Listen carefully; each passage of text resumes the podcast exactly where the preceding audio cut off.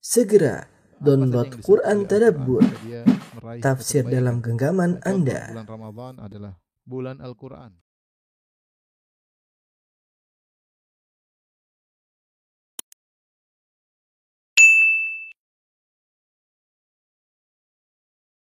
Bismillahirrahmanirrahim. Assalamualaikum warahmatullahi wabarakatuh.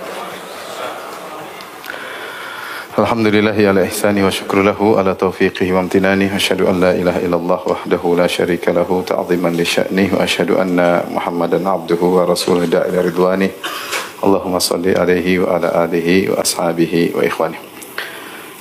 Hadirin dan hadirat yang dirahmati oleh Allah Subhanahu wa taala.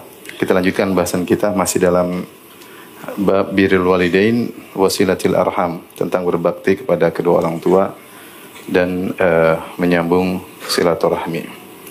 Kita sampai pada uh, hadis berikutnya an Abi Abdullah Amr bin As radhiyallahu anhuma qala sami'tu Rasulullah sallallahu alaihi wasallam jiharon ghaira sirrin. Aku mendengar Rasulullah sallam berkata dengan keras tanpa berbisik-bisik Yaqul inna ala bani fulan laisu bi awliyai. Sungguhnya keluarga Bani Fulan ya, yaitu dari Quraisy, dari Bani Hashim, dari keluarga yang dekat dengan Nabi sallallahu alaihi wasallam tapi kafir ya. Laisu bi awliyai, mereka bukanlah wali-waliku. Inna mawaliyallah wa salihul mu'minin. Sungguhnya waliku adalah Allah dan orang-orang saleh dari kaum mukminin. Walakin lahum rahimun abulluha bi bilaliha. Akan tapi antara aku dengan mereka ada hubungan rahim, kekerabatan. Aku akan membasahi rahim tersebut dengan sebasah-basahnya. Itu aku akan tetap menyambung silaturahmi. Hadis ini riwayat Al-Imam Al-Bukhari. Uh, hadis ini menjelaskan bahwasanya uh, Rasulullah menjelaskan wali-wali Nabi yang sesungguhnya yaitu para penolong Nabi yang mencintai Nabi ya dan Nabi pun mencintai mereka bukanlah dari golongan orang-orang kafir. Karena orang kafir bukanlah wali-wali dari Nabi Shallallahu Alaihi Wasallam, bukanlah para penolong, bukanlah orang-orang yang dicintai secara hakiki oleh Nabi Shallallahu Alaihi Wasallam. Tetapi kenapa? Karena mereka kafir. Padahal hubungan kekerabatan uh, sangatlah dekat. Bahkan dalam sebagian riwayat disebutkan Inna ala Abi Talib. Sungguhnya keluarga Abu Talib ya. Keluarga Abu Talib ya karena banyak di antara keluarganya yang juga masih kafir ya maka uh, Rasulullah SAW padahal begitu dekatnya antara Abu Talib dengan Nabi SAW karena Abu Talib dan bapaknya Nabi Abdullah adalah saudara sekandung saudara sekandung. Berbeda dengan paman-pamannya yang lain yang berasal dari ibu yang berbeda. Sebagaimana kita ketahui Abdul Muttalib kakek Nabi SAW memiliki beberapa istri. Dan dari beberapa istri tersebut memiliki 10 anak laki-laki ya. Di antaranya ada uh, yang saudara kandung seperti uh, yaitu satu bapak dan satu ibu seperti Abdullah dan Abu Talib. Artinya kedudukan Nabi sangat dekat dengan uh, mereka ya. Tetapi ketika uh, Abu Talib kafir dan juga sebagian uh, keluarganya ya juga kafir maka Nabi mengatakan mereka bukan dari uh, wali-waliku. Sungguhnya waliku adalah Allah dan kaum mukminin yang soleh. Tetapi Rasulullah SAW menjelaskan, meskipun mereka kafir, tapi ada hubungan kekerabatan dengan mereka. Kata Nabi SAW, walakin lahum rahimun abulluha bibiladiha. Namun mereka punya hubungan rahim denganku, kekerabatan, dan aku akan membasahinya dengan sebasah-basahnya. Yaitu Rasulullah SAW akan tetap menyambung silaturahim. Ini dalil bahwasanya menyambung silaturahim terhadap non muslim kerabat hukumnya dianjurkan hukumnya dianjurkan. Namun tidak sampai pada derajat wajib. Namun tidak sampai pada derajat derajat wajib. Kecuali kerabat kafir tersebut kedua orang tua. Kalau kerabat kafir tersebut kedua orang tua maka uh, hukumnya wajib. Pada kesempatan kali ini saya akan menyampaikan tentang ringkasan uh, bagaimana hukum menyambung silaturahmi dengan kerabat yang mukmin maupun kerabat yang yang kafir. Bisa kelihatan di televisi. Ada tulisannya? Belum memang saya belum tulis ya. Baik, ya. Kesimpulan ya. Kesimpulan eh, hukum silaturahmi.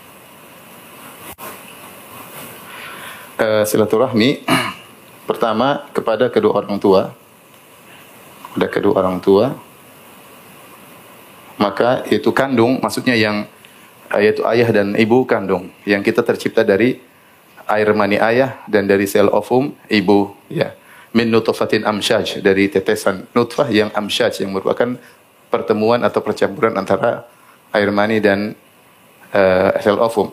Maka untuk kepada orang tua hukumnya wajib wajib meski kafir apalagi hanya hanya fasik dan zalim. Fasik dan zalim, ya. Mereka kafir saja harus kita apa namanya? Uh, bakti dan sudah kita jelaskan kemarin tentang khilaf di kalangan para ulama jika kedua orang tua kafir tersebut memerintahkan perkara yang itu haram dalam agama kita namun halal dalam agama mereka. Seperti kedua orang tua kafir minta dibelikan wine, diberikan apa? Bir. Apakah sang anak wajib untuk membelikan atau tidak? Maka ada khilaf di kalangan para ulama. Jumhur mengatakan haram, madhab Malikiyah mengatakan eh, boleh, bahkan wajib dan ini sudah kita jelaskan dalil-dalilnya pada pertemuan sebelumnya. Yang kedua yaitu kepada kerabat selain kedua orang tua. Baik, kerabat selain kedua orang tua ini ada dua model tentunya. Ada yang mukmin dan ada yang kafir.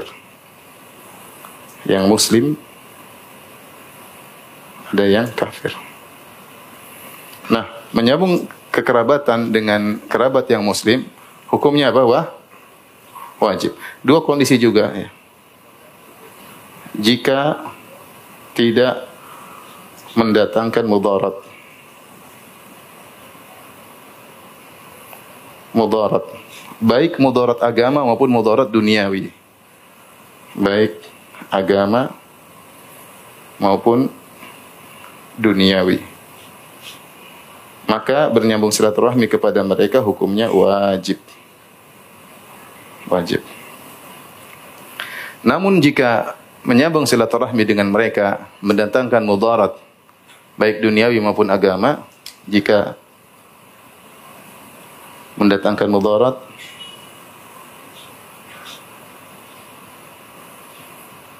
Baik duniawi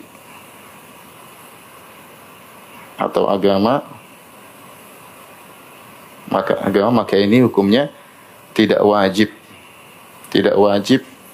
Bahkan bisa jadi harus dihindari ya. Karena Rasulullah SAW bersabda la darar wa la dirar. Kata Nabi SAW la darar wala dirar. Tidak boleh ada kemudaratan yang terjadi. Yani ad-dararu yuzal. Tidak ada kemudaratan yang boleh terjadi. Maka seorang kalau ternyata dia nyambung silaturahmi dekat dengan keluarga, ternyata dia dapat mudarat, maka sebaiknya dia tinggalkan. Sebaiknya dia tinggalkan. Dan uh, Ibn Abdul Bar mengatakan rubba hajrin jamilin khairun min mukhalatatin uh, mu'ziyah. Betapa banyak sikap menghajar yang lembut, meninggalkan dengan cara lembut lebih bermanfaat daripada bercampur interaksi tapi bikin apa? Bikin mudarat, bikin mudarat. Jadi kalau ternyata kita bersilaturahmi kemudian kita dikasih mudarat, maka eh, tidak wajib. Namun jika kita bisa menjaga diri, bisa menjaga agama kita, dianjurkan kita tetap menyambung. Tidak tapi tidak sampai derajat wajib, ya. Lanjutkan, jika mampu menjaga diri,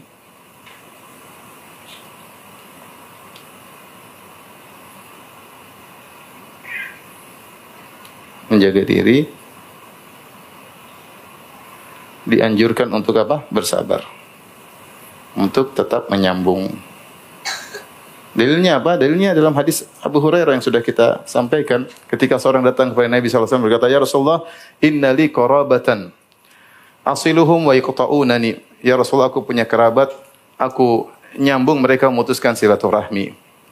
Wa uhsinu ilaihim wa yusiuna ilayya. Aku berbuat baik kepada mereka, mereka berbuat baik, mereka berbuat buruk kepada aku. Wa ahlumu anhum wa yajhaluna alayya. Aku bersabar dengan mereka, mereka tidak bersabar denganku. Rasulullah SAW mengatakan, La in kunta kama kult fa ka'annama tusifuhumul mal wa la yazalu laka minallahi dhahirun ma dumta ala dhalik. Kalau kau melakukan demikian maka seakan-akan kau masukkan debu panas dalam mulut mereka dan nantiasa Allah memberikan penolong bagimu. Jadi dianjurkan kalau tidak selama seorang bisa menjaga diri. Tapi kalau dia ternyata berinteraksi akhirnya dia malah ribut, malah bertengkar, malah kemudian maki-maki di antara mereka, udah mending tinggalkan dengan cara yang yang baik, ya. Dengan tinggal. Karena saya sering ditanya Ustaz bagaimana saya mau nyambung silaturahmi sebentar kalau kita ke sana kita dimaki-maki. Kalau kau bisa bersabar dimaki-maki, nyambung aja. Tapi kalau tidak sabar kau balik maki, mending tidak usah ke sana karena tidak wajib. Meskipun itu saudara yang beriman karena dalil mengatakan la dharar wa la dirar ya. Adapun hadis-hadis yang tadi Abu Hurairah yang saya sampaikan dibawakan kepada mustahab dianjurkan jika seorang mampu menjaga agamanya, jika mau menjaga agamanya. Kemudian jika seorang bersilaturahmi dengan uh, misalnya ada seorang yang mukmin kemudian mengajak dia kepada majelis mungkar, majelis yang mungkar atau majelis kemungkaran termasuk dosa atau bid'ah kemudian dia tidak boleh hadir dalam majelis tersebut. Ya. Dia tidak boleh hadir. Kalau dia hadir maka dalam rangka untuk bernahi mungkar untuk mengingatkan. Jika dia tidak mau hadir kemudian di, dia diputus hubungan, maka dia tidak berdosa. Maka dia tidak berdosa. Tetap dia berusaha menyambung. Adapun kalau mereka menjauh, mereka tidak mau hubungan, mereka ngamuk, maka dia tidak berdosa karena dia sebagaimana sabda Nabi sallallahu alaihi wasallam la ta'ata fi ma'siyatil khaliq. Tidak ada ketaatan bagi makhluk dalam rangka bermaksiat kepada Allah Subhanahu wa taala. Taib ini secara sederhana tentang jika kerabat tersebut muslim. Bagaimana jika kerabat tersebut kafir? Maka hukumnya tidak wajib. Hukumnya tidak wajib namun dianjurkan. Sebagaimana sabda Nabi sallallahu alaihi wasallam walakin lahum rahimun sa'abulluha bibilaliha. Namun dianjurkan. Terlebih lagi jika ada maslahat kata Nabi sallallahu alaihi wasallam namun saya punya hubungan kekerabatan dengan mereka aku akan membasahinya. Itu aku akan menyambung karena memutuskan silaturahmi dianggap seperti panas menjamu silaturahmi dianggap seperti membasahi. Ya hukumnya tidak wajib namun dianjurkan. Terutama jika di balik uh, silaturahmi tersebut ada maslahat dakwah. Terutama dalam di balik silaturahmi tersebut ada maslahat dakwah. Kita mentaklif melembutkan hati mereka siapa tahu mereka tertarik dengan dengan Islam maka sangat-sangat dianjurkan. Namun bagaimanapun tidak akan sampai derajat wajib. Ya. Bahkan eh, sebenarnya mengatakan jika ini dianjurkan namun hati-hati ya. namun tidak boleh sampai pada derajat pada derajat mawaddah ya yaitu saling mencintai yang berdalam-dalam kecuali kecuali orang tua dan istri ahlul kitab. Ini dengan syarat kafir tersebut bukan kafir harbi, bukan kafir harbi. Kita tahu orang kafir macam-macam. Kalau kafir harbi, kafir yang berperang dengan kita, maka wala karamah. Maka kita berperang dengan dia, dia berperang dengan kita. Kalau bukan kita yang bunuhnya, dia yang bunuh kita. Meskipun kerabat. Tapi kalau kafir tersebut seperti di, di tanah air kita atau di mana-mana yang tidak sampai pada derajat peperangan, maka kita boleh uh, menyambung silaturahmi dengan mereka, tapi tidak boleh sampai derajat mawaddah. Ini pendapat sebagian ulama, ya. Tidak boleh sampai derajat mawaddah yaitu kita sangat dekat dengan mereka, sangat mencintai mereka kecuali kedua orang tua dengan istri di dikecualikan karena seorang laki muslim boleh menikah dengan wanita kitabiyah Yahudi maupun Nasrani ya. ya. Karena Allah melarang uh, apa orang-orang ya yuwaduna man hadallah. Kata Allah kalian tidak mendapati suatu kaum yang beriman kepada Allah hari akhir mencintai orang-orang yang memusuhi Allah dan Rasulnya. Tapi ini kira-kira uh, ringkasan dari uh, silaturahmi baik dengan kerabat yang muslim maupun kerabat non muslim. Tapi kita lanjutkan.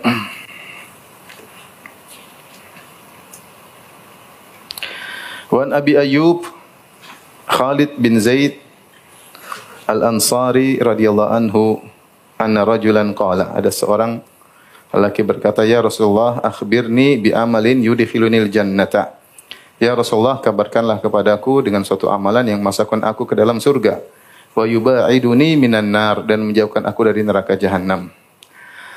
Uh, Faqala Nabi sallallahu alaihi wasallam maka Rasulullah SAW bersabda, "Ta'budullaha wa la tusyriku bi syai'a." Engkau beribadah kepada Allah dan jangan berbuat syirik sama sekali kepada Allah. Wa tuqimus salat, engkau mendirikan salat, wa tu'tiz zakata dan engkau membayar zakat, wa tasilur rahim dan engkau menyambung silatu rahmi. Hadis mutafakun alaih.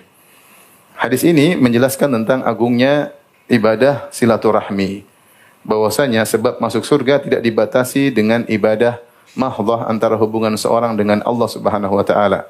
Bahkan pintu surga juga bisa dimasuki melalui interaksi dengan sesama manusia, ya. Di antaranya dengan menyambung silaturahmi. Karena orang ini bertanya kepada Rasulullah dengan amalan yang mudah memasukkan dia dalam surga dan menjauhkan dia dari neraka jahanam. Maka Rasulullah SAW menyebutkan amalan-amalan yang hebat. Pertama, ta'budullaha wa la tusyriku bihi syai'ah. Beribadah kepada Allah dan tidak berbuat syirik sama sekali. Ini amalan yang berat Bagaimana seorang membersihkan hatinya dari seluruh jenis kesyirikan, baik syirik-syirik besar maupun syirik-syirik kecil. Beribadah tidak ingin dipuji, beribadah tidak ingin disanjung, berusaha mengikhlaskan niatnya hanya untuk Allah, dan berbagai macam cara agar hatinya benar-benar bersih. Semakin dia suka untuk tidak diketahui amalannya oleh manusia, maka dia semakin ikhlas kepada Allah Subhanahu wa taala. Dan ini amalan yang berat. Siapa yang bisa melakukannya maka mudah masuk surga dan dijauhkan dari neraka. Yang kedua tuqimus salat, mendirikan salat, bersabar mendirikan salat pada waktunya, tidak meninggalkan salat wa tu'tiz zakat, membayar zakat, membayar zakat dengan lapang dada, benar-benar serius menghitung hartanya, kemudian me me me menghitung haulnya, kemudian mengeluarkan persenannya, lalu dikeluarkan dengan berlapang dada karena dia tahu inilah sedekah yang teragung, zakat. Maka ini sebab utama untuk masuk surga. Ternyata Rasulullah menyebutkan amalan yang keempat, wa tasilur rahim. Engkau bersilatu apa? Bersilaturahmi. Ya. Jadi silaturahmi jangan dianggap sepele. Seorang berusaha untuk uh, menyambung silaturahmi. Dalam hadis Rasulullah SAW mengatakan, "Ta'allamu min adsabikum ma tasiluna bihi arhamakum." Pelajarilah nasab kalian. Yang dengan pelajari nasab tersebut kalian bisa menyambung silaturahmi. Seorang berusaha mengenal Eh, kerabat-kerabatnya. Kenapa? Dia ingin cari pahala. Dia ingin cari pahala. Paling tidak silaturahmi minimal dengan telepon ya. Gimana kabarnya? Kemudian yang lebih tinggi lagi dengan berziarah ya.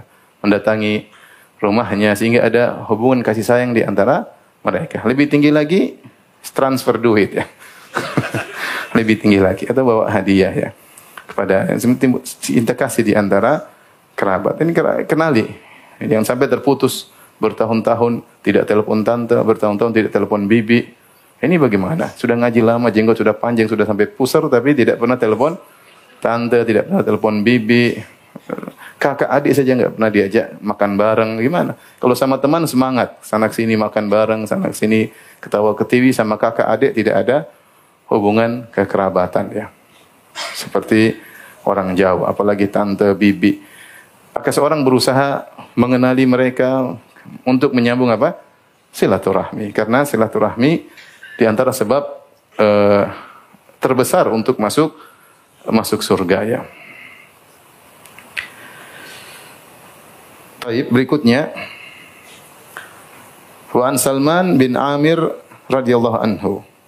Ani Nabi sallallahu alaihi wasallam qala dari Nabi sallallahu alaihi wasallam bersabda, "Idza aftara ahadukum falyuftir ala tamar." Jika salah seorang dari kalian buka puasa, maka hendaknya buka puasa dengan makan korma. Fa innahu barakah karena korma itu adalah keberkahan ya. Ahlu baitin la tamra fihi jiaun ahluhu atau kalau Nabi sallallahu alaihi wasallam kalau zaman dahulu di zaman Nabi sallallahu alaihi wasallam ada suatu keluarga tidak ada korma di rumahnya itu penghuni rumah tersebut lapar ya. Karena di zaman Nabi korma adalah makanan pokok ya. Fa innahu barakah. Ya, kata Rasulullah SAW, kalau berbuka puasa, bukalah dengan korma. Fa illam yajid tamran, kalau dia tidak dapat korma untuk buka puasa, fal ma. Maka minumlah air. Fa innahu tahur, karena air itu suci dan mensucikan. Wa qala, kemudian Nabi berkata lagi, as-sadaqatu alal miskini sadaqatun. Sedekah ke, untuk orang miskin adalah sedekah, satu sedekah. Wa ala dirrahim thintani. Dan kalau bersedekah kepada sesama kerabat kepada rahim yang punya hubungan kekerabatan silaturahim sedekatun wasilatun dua pahala yaitu pahala sedekah dan pahala silaturahmi Ruahu Tirmidzi wa qala haditsun hasanun. Hadis riwayat Tirmidzi mengatakan hadis yang hasan. Ini sudah pernah kita singgung tentang skala prioritas dalam bersedekah, maka yang paling utama adalah bersedekah dengan kerabat. Semakin dekat kekerabatan maka semakin besar eh, pahalanya. Demikian juga tinjauan dari mungkin ada kerabat agak jauh tapi dia dal- dalam posisi membutuhkan, maka sedekah kepada dia lebih besar pahalanya ya. Jadi banyak tinjauannya. Tapi di intinya, intinya kalau bersedekah kepada kerabat lebih utama daripada bersedekah kepada orang-orang yang bukan punya hubungan kekerabatan. Namun kita seorang muslim mudah dalam bersedekah. Artinya jangan kemudian membatasi sedekah hanya untuk apa? kerabat. Saya enggak bersedekah kecuali kepada kerabat. Enggak juga. Nabi SAW bersedekah kepada semua, kepada kerabat, kepada keluarga kerabat. Tapi kita ada prioritas, ada prioritas. Mungkin yang kerabat kita kasih 80% di luar kerabat 20% dan kita bersedekah dengan semudah. Lihat orang susah depan kita kita kasih. Tetangga setengah mati kita bantu. Ada kerabat kita lebih besar kasihnya. Kalau nggak punya ya puasa di rumah. Eh, senyum, sedekah senyum kalau nggak punya apa-apa. ya. Telepon, tanya-tanya kabar. Tapi ini semua ada prioritas karena kalau bersedekah kepada kerabat maka pahalanya dua yaitu pahala sedekah dan pahala menyambung silaturahmi. Hadis berikutnya an Ibnu Umar radhiyallahu anhu dari sahabat Ibnu Umar radhiyallahu anhu qala Ibnu Umar berkata, "Kanat tahti imra'atun." Saya punya istri. Wa kuntu uhibbuha dan aku mencintai istriku tersebut. Siapa yang tidak mencintai istrinya? Ada? Ada ya. Makanya cerai. Ini dia cinta sama istrinya. Wa kuntu uhibbuha. Aku mencintai apa? Istriku. Wa kana Umar yakrahuha. Tetapi ayahku Umar benci sama perempuan ini. Faqala li, kemudian Umar berkata, "Talliqha." Subhanallah, ujian berat. Kata Umar kepada anaknya Abdullah bin Umar, "Ceraikan istrimu." Ini bukan istri sembarangan, istri yang dia apa? Cintai. Tapi kata Umar, "Ceraikan istrimu." Fa abaitu, aku tidak mau. Ini cari istri kayak gini nggak gampang ya. Kemudian disuruh cerai. Aku tidak mau, kata um, Ibnu Umar. Fa'ata Umar radhiyallahu anhu Nabi sallallahu alaihi wasallam. Umar mengeluhkan hal ini kepada siapa? Nabi sallallahu alaihi wasallam. Anaknya disuruh cerai enggak mau apa? Menceraikan. Fadzakara dzalika lahu. Lalu Umar cerita tentang kondisi Ibnu Umar yang tidak mau menceraikan istrinya kepada Nabi wasallam. Maka Nabi berkata, faqala Nabi sallallahu alaihi wasallam, "Talliqha, ceraikan wahai Ibnu Umar." Akhirnya diceraikan. Dan semirip dengan ini, Abi Darda radhiyallahu anhu dari Abu Darda radhiyallahu anhu anna rajulan atahu. Ada seorang mendatanginya dan berkata, "Inna limra'atan wa inna ummi ta'muruni bitolaqiha."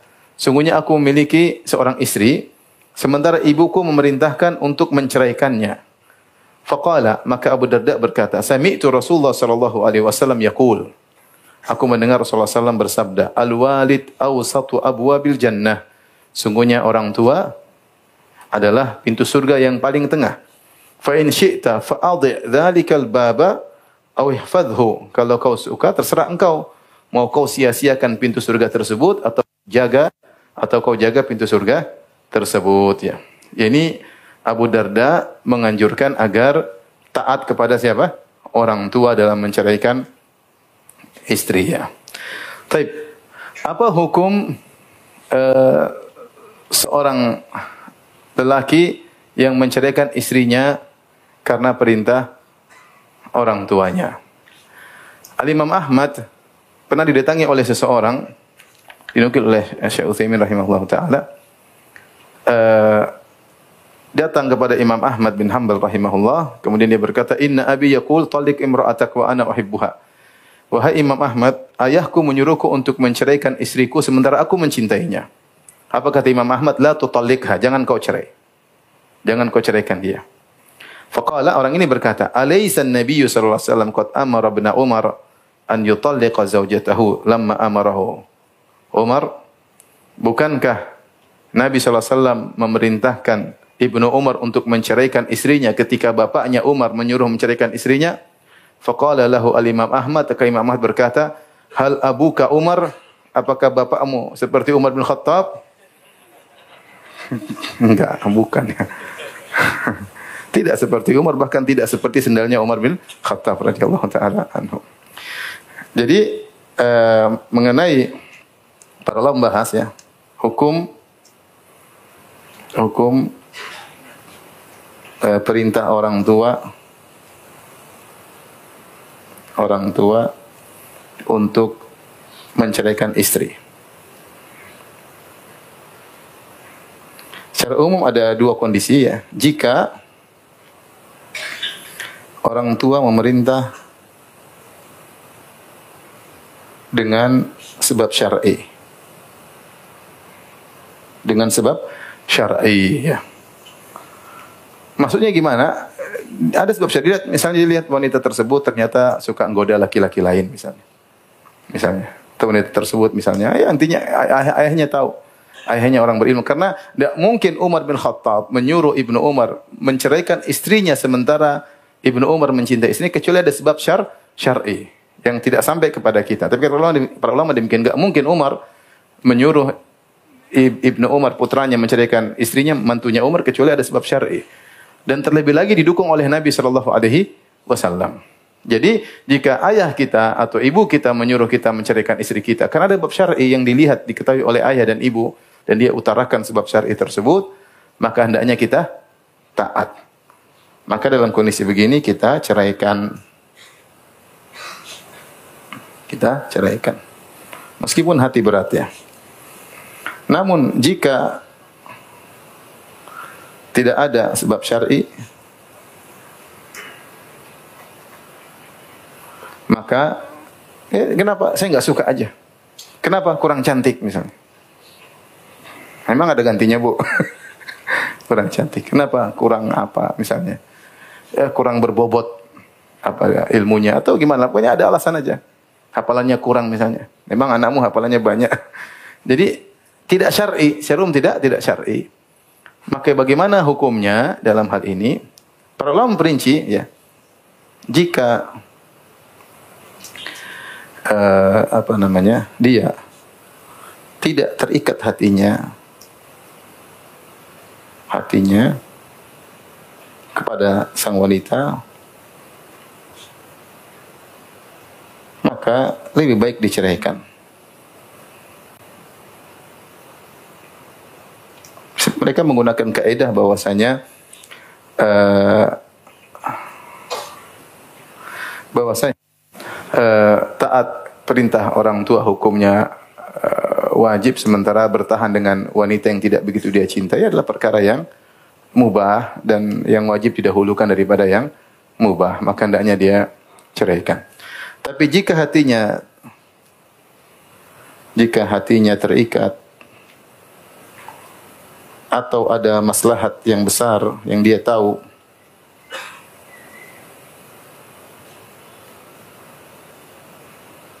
maka tidak tidak perlu taat. Tidak perlu taat. Karena tidak ada maslahat tidak ada maslahat agama dan duniawi. Yang dia cinta sama istrinya atau dia tahu istrinya orang soleha, wanita soleha, bisa ngurus anak, bisa menundukkan pandangannya, masalah ngapain? Tidak wajib bagi dia untuk taat kepada orang tuanya. Wala ayah, tidak ayahnya, tidak ibunya. Seandainya ibunya marah, dia tidak dianggap berdurhaka. Dia tidak dianggap apa? Dur, durhaka. Faham? Baik, sampai sini paham? Kita lanjutkan. Bagaimana kalau orang tuanya maksa dia menikah dengan seorang wanita yang tidak dia sukai? Kalau dipaksa menikah dengan seorang wanita yang dia sukai, ya alhamdulillah. Pahala dua. Pahala apa? Keuntungan dua, keuntungan mendapat istri yang cantik dan soleha dan keuntungan berbakti kepada kedua orang tua. Ada yang seperti ini ada. Orang tua yang carikan istri dipilihkan untuk anaknya, dipilihkan yang cantik, jelita dari uh, apa namanya keluarga yang soleh, dari bibit bobot bebeknya diperhatikan, kemudian dihadirkan di hadapan anaknya, nak silakan nikah, masya Allah. Syukuran mami papi. Ini tapi siapa yang begitu? dapat keuntungan, dapat untung, dapat istri soleha, dapat pahala berbakti kepada kedua orang tua. Itu itu alhamdulillah. Tapi yang musibah kalau disuruh nikah dengan seorang wanita yang dia tidak cintai. Repot. Yang milih bapaknya, milih ibunya suruh nikah. Dan ini saya sering ditanya juga, gimana Ustaz saya dipaksa nikah dengan seorang wanita. Saya bilang kalau kau suka, bismillah. Kalau kau nggak suka, jangan di, jangan dipaksa. Dan ini dibahas oleh Ibnu Taimiyah rahimahullah. Ibnu Taimiyah mengatakan, jika seorang orang tua menyuruh anaknya untuk menikah seorang wanita yang dia tidak sukai, sementara ada wanita yang dia sukai, ya, maka dia tidak wajib untuk taat. Kata Ibnu Taimiyah rahimahullah, jangankan wanita, bahkan makanan. Misalnya di depan dia ada uh, pisang goreng. Terus di samping kanannya ada pisang goreng, pizza. Pizza bakar. Kemudian dia suka sekali pada pizza dan dia kurang suka sama pisang goreng. Kalau orang tuanya maksud dia makan pisang goreng dan tidak makan pizza, dia tidak wajib untuk apa? Taat. Padahal itu perkara yang makruh. Kenapa kalau dia makan pisang goreng dia tidak begitu suka, dia tersiksa cuma sebentar. Lima menit pisang goreng habis. Dan dia terpaksa meninggalkan pizza yang dia sukai. Tapi kalau dia nurut sama, ini kalau dia nurut sama bapaknya makan pisang goreng, dia tersiksa lima menit. lima menit minum selesai. Tapi kalau nikah sama perempuan yang tidak sukai, dia menderita berapa lama? Seumur hidup. Seumur hidup. Dan tidak ada masalah dalam pernikahan tersebut. Dan pernikahan yang tidak dilandasi dengan rasa cinta sering berujung dengan keburukan. Makanya saya sering nasihat kalau orang bertanya, Ustaz, ada wanita soleha, gimana? Saya bilang, kau, kau suka enggak? Kalau kau nggak suka, jangan kau nekat. Biarkan untuk orang lain. Ada yang suka dia nanti. Ya. Ada yang suka dengan dengan dia. Jangan kau nekat. Saya penting agamanya. Tapi kau nggak suka, jangan paksa. Makanya Rasulullah SAW menyuruh untuk nador. Apa tujuan nador? Agar kita ter tertarik. Ya. Ya ini Rasulullah SAW mengatakan uh, lebih mengkekalkan apa kasih sayang di antara mereka uh, mereka berdua. Ya. Jadi disyariatkan nador untuk ada ketertarikan. Tapi kalau seorang wanita tidak suka, kita maksa untuk menikah, kita akan menzaliminya. Karena kita semuanya hidup dengan apa? Terpaksa. Menciumnya dengan terpaksa, mengulai rambutnya dengan apa? Terpaksa salah-salah kita goreng, kita sendul kepalanya. Karena kita jengkel, kamu lagi, kamu lagi. Dan saya pernah ditanya masalahnya, ketika saya keluar dari masjid, tiba-tiba ada seorang bertanya, Ustadz, saya saya mau bertanya sebenarnya saya mau pengajian online buru-buru kata dia sebentar lima menit Ustaz. Oke, apa pertanyaannya? Ustaz dua tahun lalu saya menikah dengan seorang wanita. Saya tidak suka Ustaz. Tapi wanita tersebut hafal inilah, hafal anulah. Dia soleha Ustaz. Akhirnya saya pikirkan soleh saya nikahi. Terus saya tidak suka sama dia Ustaz. Sampai sekarang saya tidak suka. Saya menderita setiap berhubungan dengan dia. Terus tapi saya punya anak. Saya bilang kau kurang ajar. Terus mau tinggalkan menyiksa perempuan. Kasih orang.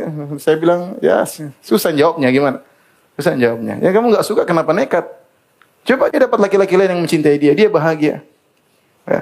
Oleh karenanya kalau tidak suka jangan apa? Maksa. Meskipun orang tua yang suruh. Nikah enggak, mak. Enggak. Kalau mamanya marah, bapaknya marah, la yu'tabar aqan. Tidak dianggap sebagai orang yang berbak, berdurhaka kepada kedua orang tuanya. Karena hak memilih istri adalah hak anak, bukan hak kedua orang orang tua. Orang tua hanya bisa mengarahkan, memberi anjuran, menggiring, tapi yang menentukan adalah anaknya. Apalagi pernikahan itu dibangun di atas keridoan. Kalau tidak ridho nggak bisa. Kita jual beli aja harus ridho. Apalagi nikah menjadi teman hidup. Kemudian kita spekulasi ya. Karena sebagian orang pernah mengutarakan penyesalan kepada saya. Ketika saya mau menikah dia bilang, Firanda, teman, nador ya, jangan lupa nggak nador. Kenapa? Saya dulu nikah gara-gara lihat tulisan seorang akhwat yang luar biasa. Saya tertarik saya nikah saya tidak nazar akhirnya ya saya menyesal. Jadi ya nikah jangan seperti beli kucing dalam apa? Dalam karung. Beli kucing aja bermasalah apalagi dalam karung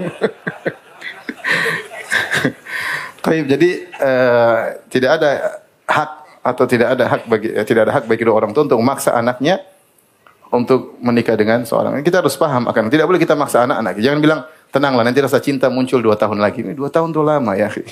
Dua tahun belum kalau tambah benci gimana ya. Akhirnya kita mendolimi putri orang. Akhirnya pernikahan berakhir dengan perceraian. Kesian ya. Dan kalau kita tidak nikah dia akan ada orang yang insya Allah yang suka dengan dengan dia. Taib. Kita lanjutkan.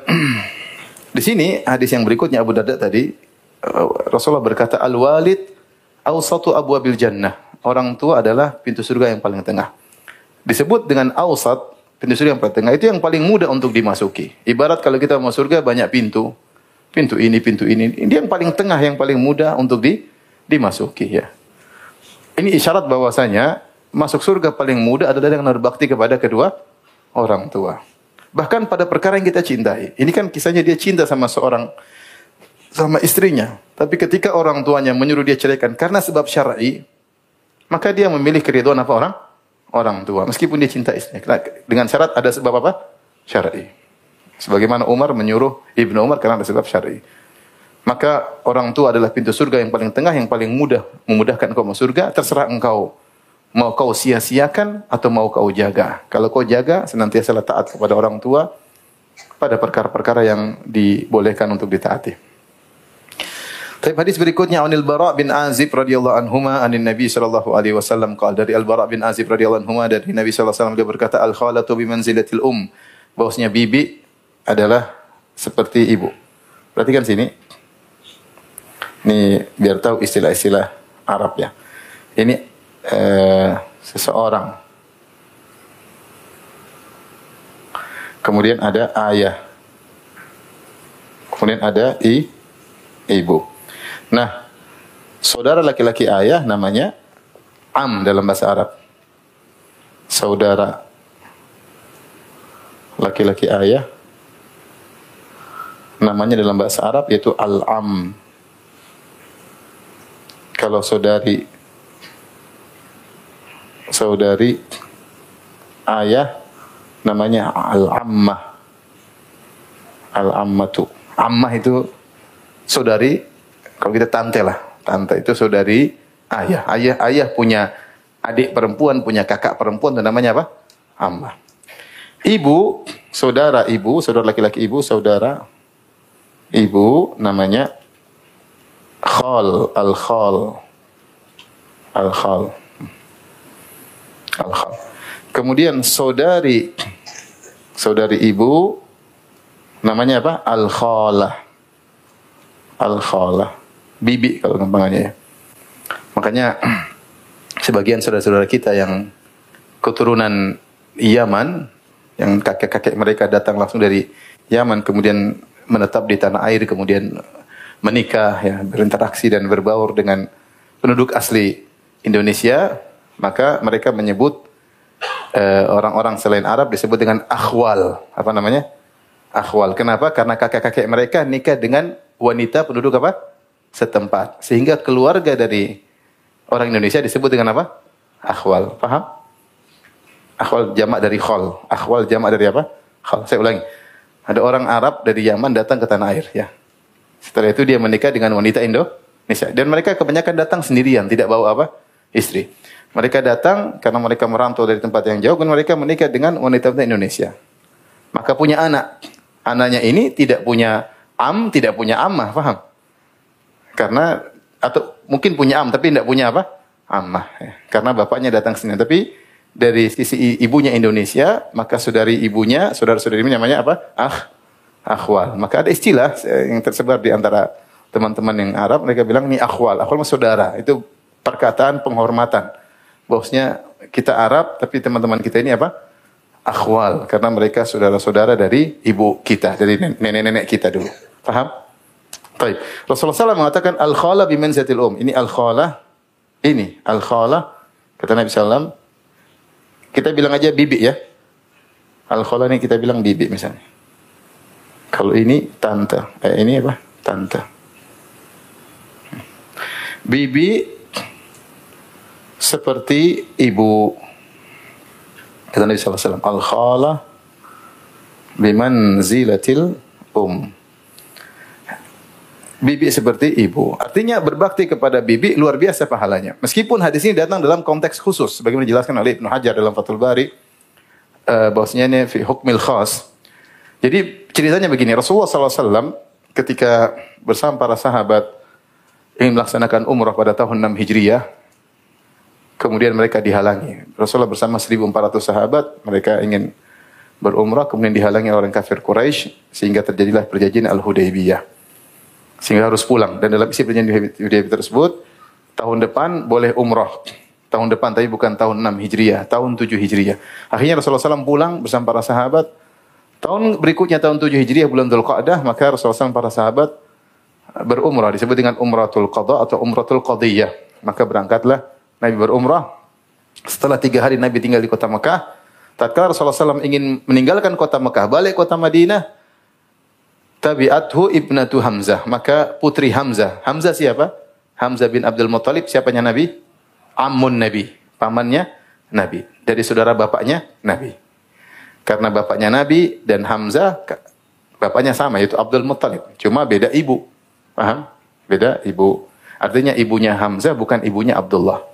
Yang ibunya sama adalah Abdullah dan Abu Talib. Paham?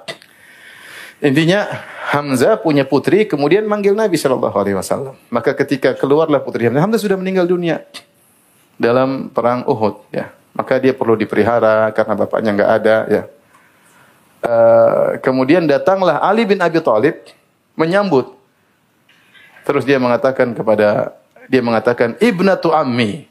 Ini ini wanita ini apa anak perempuan ini apa anak perempuan ini adalah putri pamanku. Ya kan karena Ali Hamzah juga pamannya Ali kan ya. Ya enggak? Abu Talib punya anak siapa? Ali. Abdullah punya anak siapa? Muhammad. Hamzah punya anak ya tadi. Oleh karenanya Ali mengatakan ini anak putrinya pamanku karena Hamzah juga pamannya siapa? Ali bin Abi Thalib.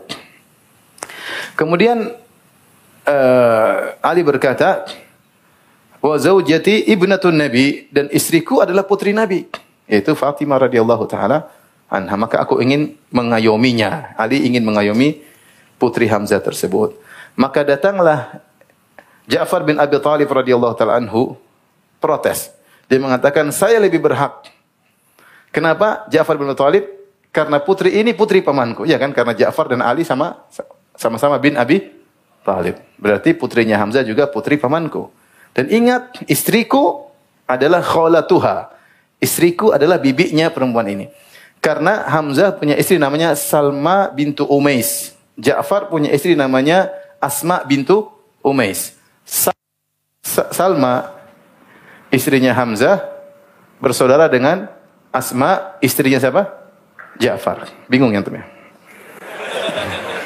Segini-gini dari tadi yang Aduh, susah. Tapi terus ya. Ini ada Abdullah. Ya. Abdullah.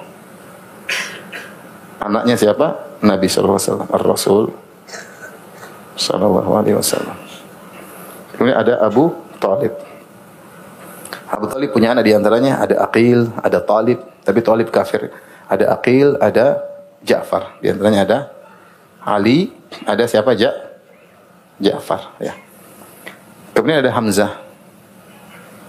Hamzah, putrinya. Baik. Apa hubungan putrinya Hamzah dengan Ali? Ya. Sepupu kan? Sepupu. Artinya putrinya ini adalah putri pamannya. Sama antara ini dengan Ja'far juga apa? Sepupu.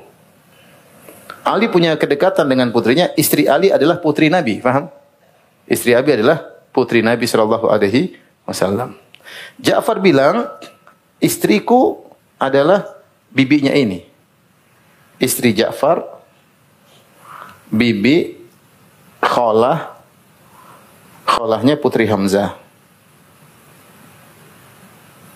Kenapa? Istri Ja'far namanya adalah Asma binti Umais. Asma binti Umais. Istrinya Hamzah Hamzah namanya Salma binti siapa? Umais. Berarti Salma dan Asma bersaudara, paham? berarti Asma ini bibinya ini, paham? Bibinya. Kholahnya, bibinya. Paham di sini? Kemudian datanglah Zaid bin Harithah protes. Kata Zaid bin Harithah, saya yang lebih utama ngerawat putrinya Hamzah. Kenapa? Karena aku adalah aku Hamzah. Aku adalah saudaranya Hamzah. Saudara bagaimana? Karena sebelum Nabi SAW berhijrah dari Mekah menuju Madinah, Nabi sempat mempersaudarakan beberapa sahabat. Di antaranya Nabi mempersaudarakan Zaid bin Harithah dengan Hamzah bin Abdul Muttalib dipersilakan oleh Nabi SAW. Sehingga mereka punya kedekatan secara khusus. Secara umum semua muhajirin bers, bersaudara. Tapi ketika Nabi mengatakan kamu dengan ini, kamu dengan ini sehingga ada relasi yang lebih spesifik antara Zaid bin Harithah dengan siapa? Hamzah bin Abdul Muttalib. Maka Zaid mengatakan itu kan anak saudaraku. Saya lebih utama untuk ngurus siapa? Putri saudaraku. Maka irtafa'at aswatum. Mereka angkat suara rebut-rebutan. Saya, saya, saya. Subhanallah, semangat untuk ngurusi anak anak orang. Sampai Ali mengatakan kepada Fatimah, "Ihmiliha, ayo gendong dia, gendong dia." Akhirnya Rasulullah SAW bilang, "Kemarilah, aqdi bainahum, aku yang akan menghukum di antara kalian." Masing-masing menyebutkan dalilnya. Kata Ali, "Saya ini adalah putri pamanku dan istriku adalah putri Nabi." Ja'far mengatakan, "Ini adalah putri pamanku dan istriku adalah bibinya." Zaid mengatakan dia adalah saudaraku dan ini adalah putri saudaraku. Akhirnya Rasulullah SAW me- menyatakan wewenang untuk menghadonah, untuk mengayomi putri ini adalah Ja'far bin Abi Thalib. Rasulullah SAW mengatakan al-khalatu bimanzilatil um. Bahwasanya bibi itu kedudukannya seperti apa? I? Ibu. Akhirnya Ja'far yang melihara anak tersebut. Taib. Maksud dari bibi kedudukannya seperti ibu, maksudnya dalam masalah kedekatan. Kenapa bibi yang dipilih? Karena biasa anak-anak itu lebih dekat kepada bibinya, iya atau tidak? Iya, benar ada tantenya. Saya seperti saya sendiri, saya punya anak, tapi anak-anak saya lebih dekat kepada eh, bibinya, lebih dekat kepada saudari istri saya daripada saudari saya. Paham? Saya punya saudari-saudari, adik-adik perempuan, istri saya punya adik-adik perempuan dan anak-anak saya lebih dekat kepada apa? Eh, adik-adik istri atau kakak-kakak istri. Karena namanya seperti itu. Makanya saudari istri eh, atau bibi lebih utama untuk ngurusi apa? Anak-anak. Kenapa lebih utama? Karena ada kedekatan. Karena ada kedekatan. Oleh karenanya seorang ketika berbakti, dia berbakti kepada ibu dan jangan lupa berbakti kepada khalah. Ya. Terutama ketika ibu sudah meninggal.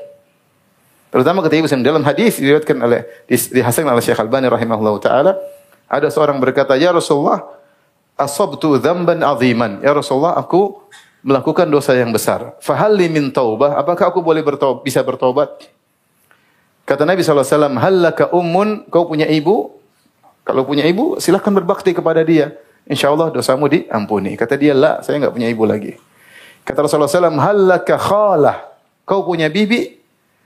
Kata dia, saya masih punya bibi. Kata Rasulullah SAW, birroha, berbaktilah kepada bibimu. Ini isyarat dari Nabi SAW, bahwa jika seorang sudah meninggal ibunya, jangan lupa untuk berbakti dengan apa? bibi-bibinya. Seperti kita dapat sebagian punya kawan sebagian kawan bibi-bibinya semua diumrohkan misalnya, diperhatikan ada di antara mereka yang ngirim uang kepada bibi-bibinya. Ibunya sudah meninggal. Jadi eh, berbakti kepada ibu eh, berbakti kepada bibi pahalanya besar. Kemudian kata Imam Nawawi rahimahullah taala wa fil babi ahaditsu katsiratun fi sahih masyhurah. Dan dalam pembahasan ini bab birrul walidain silaturahmi banyak sekali hadis-hadisnya yang sahih ya, yang masyhur ya. Minha hadis ashabil ghar, di antaranya hadis tentang orang-orang yang terperangkap dalam goa ya, tiga orang yang mereka sedang berjalan-jalan tiba-tiba ada hujan, akhirnya mereka masuk dalam goa tiba-tiba ada batu yang menutup pintu goa tersebut. Akhirnya mereka tidak bisa keluar, akhirnya mereka bertawasul dengan amal soleh mereka. Di antaranya ada yang berkata, "Ya Allah, dulu saya punya dua orang tua dan saya tidak memberikan susu kepada mereka di pagi hari eh, dan saya tidak memberikan susu Uh, saya mendahulukan memberikan susu kepada mereka di pagi hari dan malam hari sebelum saya berikan kepada anak-anak dan istriku. Dan itu kebiasaan saya. Pagi saya kasih susu, setelah itu baru saya kasih anak istri. Malam pun demikian, sore saya kasih susu kepada ayah dan ibuku, kemudian saya kasih anak dan istri. Suatu hari saya terlambat datang. Saya bawa susu, ternyata kedua orang tuaku sudah tidur. Saya mau bangunkan, nggak enak karena mereka sudah terlanjur apa? Tidur. Saya mau tidur nanti khawatir mereka terjaga di tengah malam di antara dua. Akhirnya dia nunggu karena khawatir tiba-tiba nanti ayah dan ibunya bangun jam 1, jam 2, jam 3 dan susu berada di tanganku. Aku menanti uh, bangunnya mereka berdua. Wasibyan yatadagaun sementara anak-anak nangis minta susu tapi saya tidak kasih. Ternyata ayah ibunya di pagi hari baru apa? Terjaga. Subhanallah. Jadi semalam suntuk dia nungguin ayah dan ibunya. Dia tidak bangunkan enggak? Dia diam nungguin. Karena mereka lagi pulas tidur. Orang tua terkadang susah tidur. Setelah bangun dikasih dan dia mengatakan, "Ya Allah, kalau saya melakukannya karena mencari wajahmu, maka bukakanlah pintu goa." Akhirnya pintu goa ter terbuka. Intinya ini hadis tentang berbakti kepada kedua orang tua. Kemudian hadis Jurej, hadis tentang Jurej yang dituduh berzina dan dia berbakti kepada apa? Ibunya ya. Dan qad sabaqa ya, namun dia pernah salah dengan ibunya Eh, ketika ibunya memanggil-manggilnya dan dia tidak menjawab gara-gara dia masih sholat. Dia mengatakan, Allahumma ummi wa sholati. Apa yang harus saya lakukan? Batalkan sholat, jawab panggilan ibu, atau neruskan sholat, tidak memenuhi panggilan ibu. Sampai ibunya panggil pertama, dia tidak jawab. Dia pilih sholat, sholat aja deh. Ketika habis sholat, ibunya udah pergi. Hari kedua, ibunya datang lagi panggil, ya jurej, ya jurej. Dia bilang, ummi wa sholati. Ya Allah, dia beristihad. Saya lanjutkan sholat, atau saya panggil, penuhi jawaban ibu. Akhirnya dia sholat lagi. Ternyata ibunya pergilah. Hari ketiga, Ibunya datang lagi dan qadarullah dia selalu apa sedang apa? Salat. Ya Jurej, wahai Jurej, kata dia, ya Allahumma ummi wa salati. Ibuku atau uh, salatku. Akhirnya dia pilih salat. Ibunya tiga hari berturut tidak dipenuhi jawabannya, dia pun marah dia mengatakan Allahumma la tumithu hatta turiyahu wujuhal mumisat. Ya Allah jangan kau wafatkan si Jurej putraku sampai kau buat dia melihat wajah-wajah wanita pezina.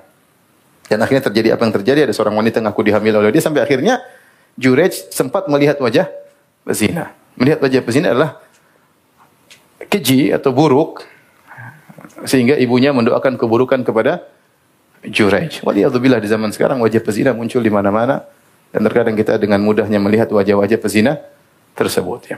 Tapi intinya di sini Jurej yang dia berbakti pada orang tuanya namun dia ada salah dalam berbakti, dia salah beristihad harusnya dia jawab ibunya. Akhirnya ibunya mendoakan dan doanya dikabulkan oleh Allah Subhanahu wa taala. Kemudian juga wa min ahammiha wa hadis masyhur fi sahih hadzaftuha ikhtisaran dan masih banyak hadis cuma saya hapus karena saya ingin yang ringkas. Di antaranya yang paling penting hadis Amr bin Abasah radhiyallahu anhu. At-tawil al-mustamil hadis yang panjang yang al-mustamil ala jumalin katsiratin min qawaidil islami wa adabihi yang menjelaskan tentang kaidah-kaidah Islam dan adab Islam. Sa'adzkuruhu bitamamihi insyaallah kata Imam Nawawi, aku akan menyebutkan hadis Amr bin Abbas ini yang panjang pada tempatnya insyaallah fi babir raja dalam bab khusus namanya bab raja. Dalam hadis tersebut qala fihi kata Amr bin Abbasah, dakhaltu ala Nabi sallallahu alaihi wasallam di Makkah. Aku menemui Nabi sallallahu alaihi wasallam di Mekah yakni fi awalin nubuwah di awal-awal kenabian. Faqultu lahu ma anta? Aku bertanya siapa engkau? Qala nabiyyun, aku seorang nabi. Faqultu wa ma nabiyyun? Apa itu nabi? Kata Nabi wasallam arsalani Allah taala, yaitu Allah mengutusku, makanya aku nabi. Fakultu bi ayyi syai'in arsalaka? Dengan apa Allah mengutusmu? Bawa ajaran apa? Qala arsalani bisilatil arham.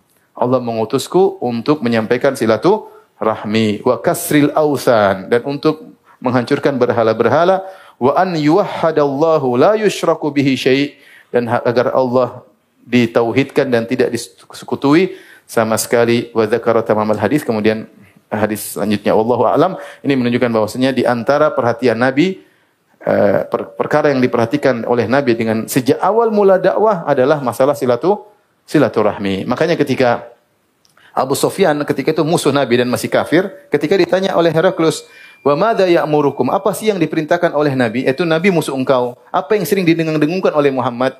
Maka dia mengatakan, "Wa kana ya'muruna bis-silah was-sidq wal afaf." Muhammad itu menyuruh kami untuk menyambung apa? Silaturahmi. Artinya itu yang sering diucapkan oleh Nabi sampai dihafal oleh Abu Sufyan musuhnya. Muhammad itu suruh kami untuk nyambung silaturahmi, untuk jujur dan untuk apa? Untuk uh, menjaga kehormatan diri. Demikian ikhwan dan akhwat yang rahmatillah subhanahu wa taala kajian kita insyaallah kita lanjutkan bab berikutnya tentang masalah uh, durhaka kepada orang tua dan putuskan silaturahmi. Tapi demikian saja apa yang saya sampaikan. Subhanakallah bihamdik asyhadu an la ilaha illa anta Assalamualaikum warahmatullahi wabarakatuh.